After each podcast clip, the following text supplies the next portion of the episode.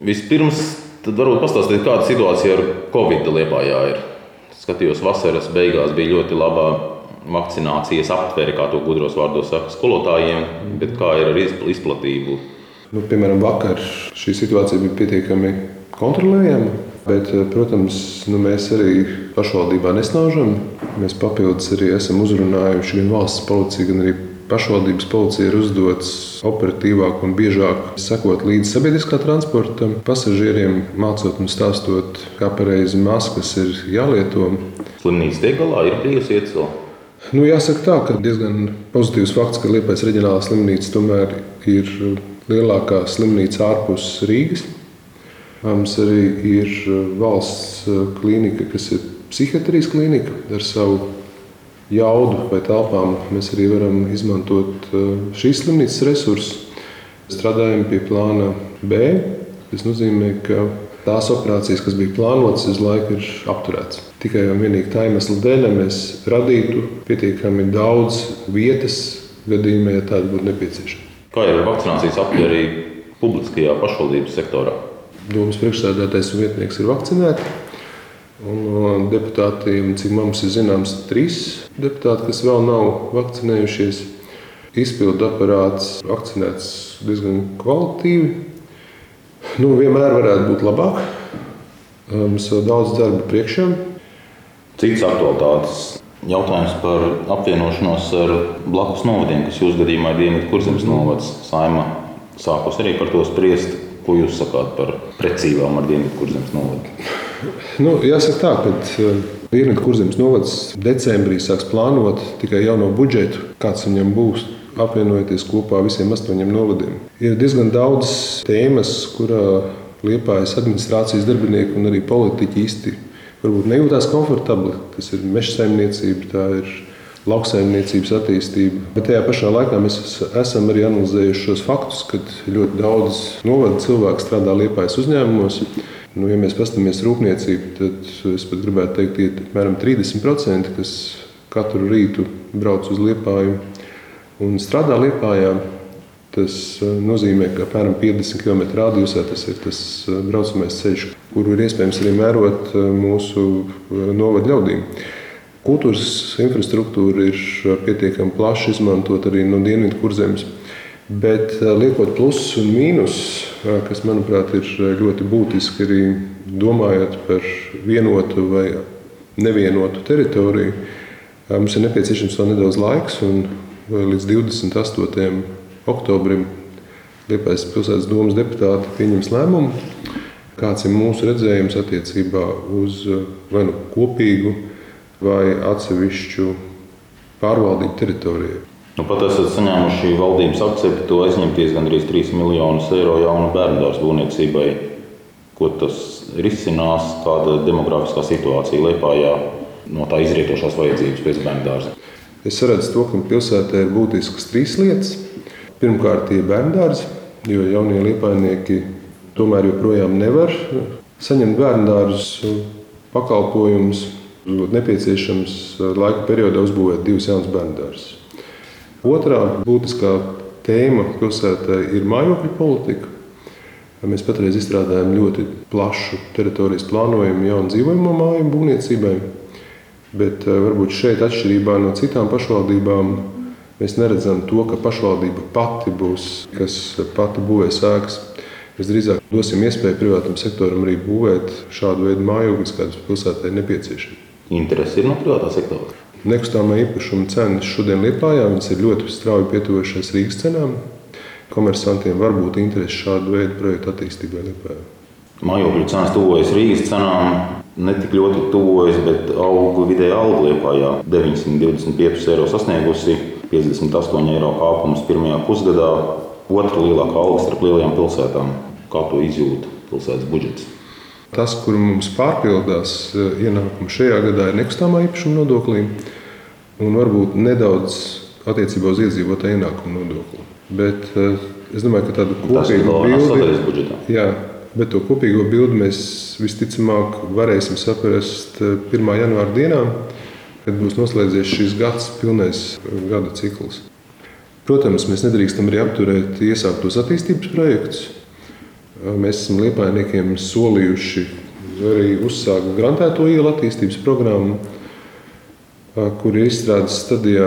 Mēs esam liepainiekiem solījuši arī revitalizēt vairākas pilsētā svarīgas teritorijas, ieskaitot, piemēram, pludmali, ieskaitot arī rūpniecības teritorijas. Es domāju, ka tas darbs, kas ir darīts līdz šim, skaidri norāda uz to, ka Liepāja var piesaistīt jaunas investīcijas. Nu, kaut vai ja mēs paskatāmies šajā laika periodā, desmit jaunas rūpnīcas ir atvērtas Liepājas pilsētā. Bezdarba līmenis ir samazinājies kardināli. Tas, ko es redzu šogad, tad augusts, jūlijas ir bijis labākais mēnesis viesmīlības biznesā. Tik daudz turismu Liepājas ielās nav bijuši nekad. Mēs redzam, ka rūpniecība audzē savus muskuļus arī pandēmijas laikā. Protams, mēs saskaramies ar Covid radītām sekām attiecībā uz atsevišķu detaļu piegādi, atsevišķiem loģistikas jautājumiem. Bet, ja mēs tā salīdzinām Liepājas pilsētas ekonomisko attīstību šajā gadā, nu, šeit redzam tikai un vienīgi izaugsmu. Protams, ar satraukumu, ar satraukumu, kā būs janvārī, kā būs februārī. Jo jāsaka, nopietni mēs arī analizējam visas tās rētas, ko atstās elektrības cenu kāpumi, tās rētas, ko atstāja valdības lēmuma attiecībā par sociālo palīdzību, un vēl varbūt nākotnes rētas, ka mēs īsti nezinām, kāds būs šis Covid skarto cilvēku skaits kopumā un ierobežojumi, kas varētu vēl papildus rasties. Nu, es gribētu teikt, tā, ka sociālā palīdzība vienmēr ir bijusi pilsētas dienas kārtībā, bet eh, jaunais likums mums ir radījis turbulences sabiedrībā, ka mēs nevaram sniegt eh, šo pabalstu varbūt tām grupām, kas ir saņēmuši šādu veidu pabalstu iepriekš. Liepais metālurga atstātās rētas esat saziedējuši. Vasarā bija Liepājas speciālās ekonomiskās zonas lēmums iegādāties Meklūru teritoriju. Mm. Cik tur ir domas klātbūtne un, un, un kāda tālāk nākotne? Nu, jāsaka tā, ka mums eh, pieredze ar rūpniecisko teritoriju pārstruktūrizēšanu ir eh, bijusi iepriekš. Eh, vēlos atgādināt, ka piemēram Karostas industriālo parku mēs kopīgi ar speciālu ekonomisko zonu uzsākām pirms vairākiem gadiem, un šodien mēs redzam augļus. Tas ir piemēram Jensen, divas rūpnīcas, kas ir izbūvētas karostā.